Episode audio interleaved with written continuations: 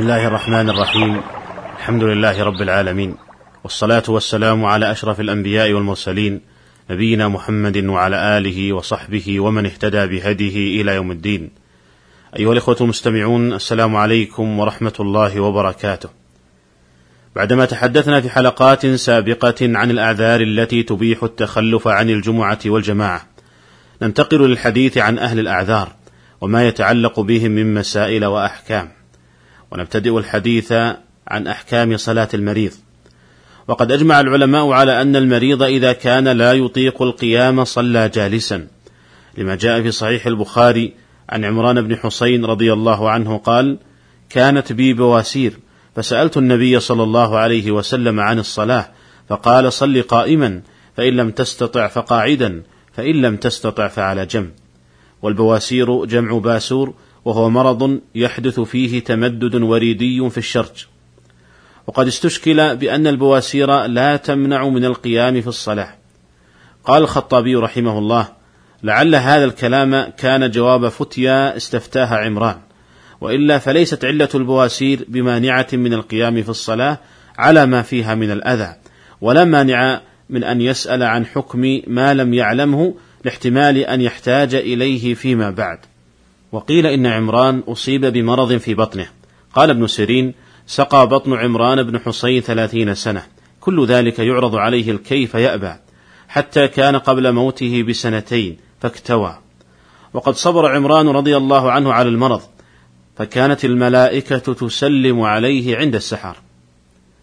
أخرج مسلم في صحيحه عن عمران بن حسين رضي الله عنه قال كان يسلم علي يعني الملائكة.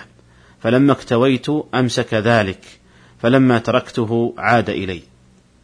أيها الإخوة المستمعون وإذا كان المريض يستطيع القيام لكنه يخشى أن يلحقه بالقيام ضرر أو زيادة مرض أو تأخر برء ونحو ذلك فله أن يصلي قاعدا. وكذا لو كان يلحقه بالقيام مشقة شديدة فله أن يصلي قاعدا. ولكن ننبه هنا إلى أنه لا بد أن تكون المشقة شديدة. أما إذا كانت المشقة ليست شديدة فيلزمه الصلاة قائما. فإن من الناس من قد يكون في تعب وسهر فيشق عليه القيام. وليس له في هذه الحال أن يصلي قاعدا.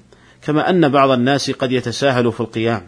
فتجده يصلي قاعدا مع قدرته على القيام من غير مشقة شديدة. وتجده يفتي نفسه بأنه عاجز عن القيام. وأنه يلحقه الحرج. مع أن ذلك لا يعيقه عن القيام بأمور دنياه. وقد ذكر الشافعي رحمه الله أن رجلا في زمانه كان قد جاوز التسعين عاما وأنه كان يعلم الجوار الغناء يعلمهن الغناء وهو قائم فإذا أتى الصلاة صلى جالسا. ولكن ما الضابط في المشقة الشديدة التي يجوز بسببها أن يصلي قاعدا؟ قال العلماء الضابط في المشقة الشديدة هي التي يفوت الخشوع في الصلاة بسببها. فإذا كان إذا قام قلق ولم يطمئن وتجده يتشوف للفراغ من القراءة والركوع فهذا يشق عليه القيام مشقة شديدة. فله في هذه الحال أن يصلي قاعدا. ويدل لذلك ما جاء في الصحيحين عن أنس رضي الله عنه أن النبي صلى الله عليه وسلم ركب فرسا فصرع عنه أي سقط منه فجحش شقه الأيمن فصلى قاعدا. ومعنى جحش الجحش هو الخدش وقشر الجلد. قال الموفق بن قدامة رحمه الله والظاهر أن من جحش شقه لا يعجز عن القيام بالكلية. وهذا يدل على أنه لا يلزم لصلاة المريض قاعدا كونه لا يستطيع القيام بل حتى إذا كان يستطيع القيام مع المشقة الشديدة فيجوز له أن يصلي قاعدا. والله تعالى أعلم. وإذا صلى المريض قاعدا إما لعدم قدرته على القيام أو لكون القيام يشق عليه مشقة شديدة ونحو ذلك فإن أجره يكون كأجر القائم. ويدل لذلك ما جاء في صحيح البخاري عن أبي موسى الأشعري رضي الله عنه أن رسول الله صلى الله عليه وسلم قال إذا مرض العبد أو سافر كتب له ما كان يعمل مقيما صحيحا. وإذا قدر المسلم على القيام لكن متكئا على عصا أو مستندا إلى حائط ونحو ذلك. لزمه أن يصلي قائما ما لم يشق ذلك عليه مشقة شديدة. وإذا صلى المريض قاعدا فالسنة أن يكون متربعا وذلك بأن يجلس على أليتيه ويجعل باطن قدمه اليمنى تحت الفخذ اليسرى وباطن قدمه اليسرى تحت الفخذ اليمنى. ويدل لذلك ما أخرجه النسائي وغيره عن عائشة رضي الله عنها قالت رأيت النبي صلى الله عليه وسلم يصلي متربعا ولأن التربع أرفق بالإنسان في الغالب وأكثر طمأنينة وارتياحا من الجلوس. وإذا ركع فهل يبقى متربعا أو يثني رجليه؟ اختلف العلماء في هذه المسألة فقال بعضهم إذا ركع ثنى رجليه أي أنه يصلي مفترشا. وقد روي ذلك عن أنس بن مالك رضي الله عنه.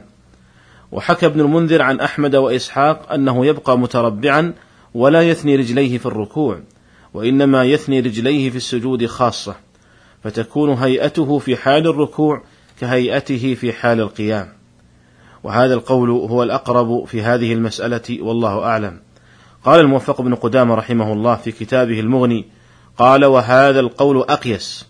لأن هيئة الراكع في رجليه هيئة القائم فينبغي أن يكون على هيئته وهذا أصح في النظر.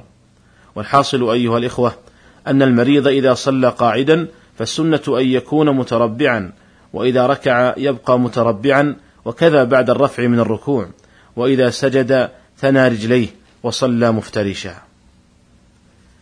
وإذا كان المريض عاجزا عن القيام لكنه يستطيع الركوع والسجود فهل لا بد من القيام لأجل أن يركع ثم يسجد؟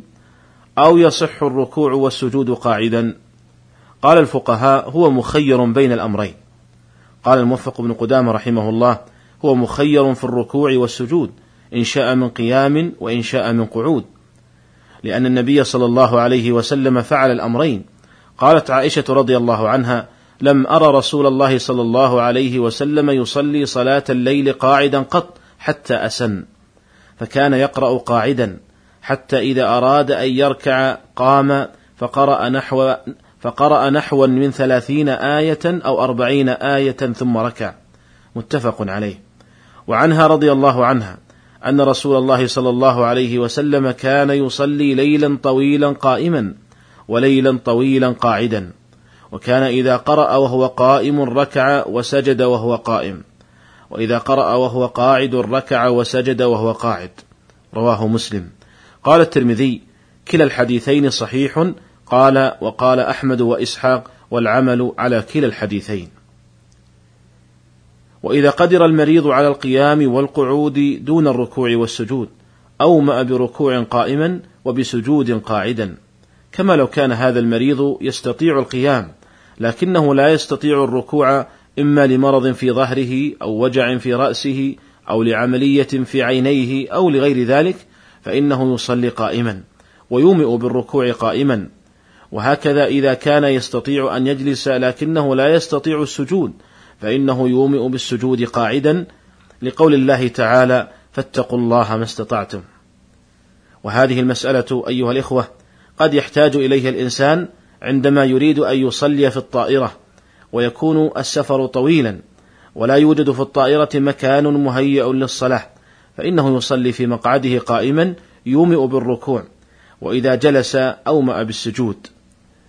وهذا إذا كانت الصلاة مما لا يجمع مع غيرها وهي صلاة الفجر أو كانت مما يجمع مع غيرها لكنه خشي خروج وقت الثانية فإنه يصلي حسب استطاعته ولا يترك الصلاة حتى يخرج وقتها.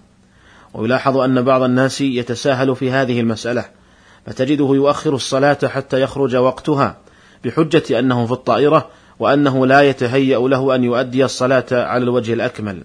وهذا خطأ كبير إذ أن تأخير الصلاة عن وقتها معدود عند, العلماء من الكبائر لقول الله تعالى فويل للمصلين الذين هم عن صلاتهم ساهون وجاء في تفسيرها أنهم يؤخرونها عن وقتها. وكونه في الطائرة ليس عذرا في تأخير الصلاة عن وقتها بل المطلوب منه أن يؤدي الصلاة حسب استطاعته ولو أن يومئ بالركوع والسجود. أيها الإخوة المستمعون هذا ما تيسر عرضه في هذه الحلقة وإلى الملتقى في الحلقة القادمة إن شاء الله تعالى والسلام عليكم ورحمة الله وبركاته.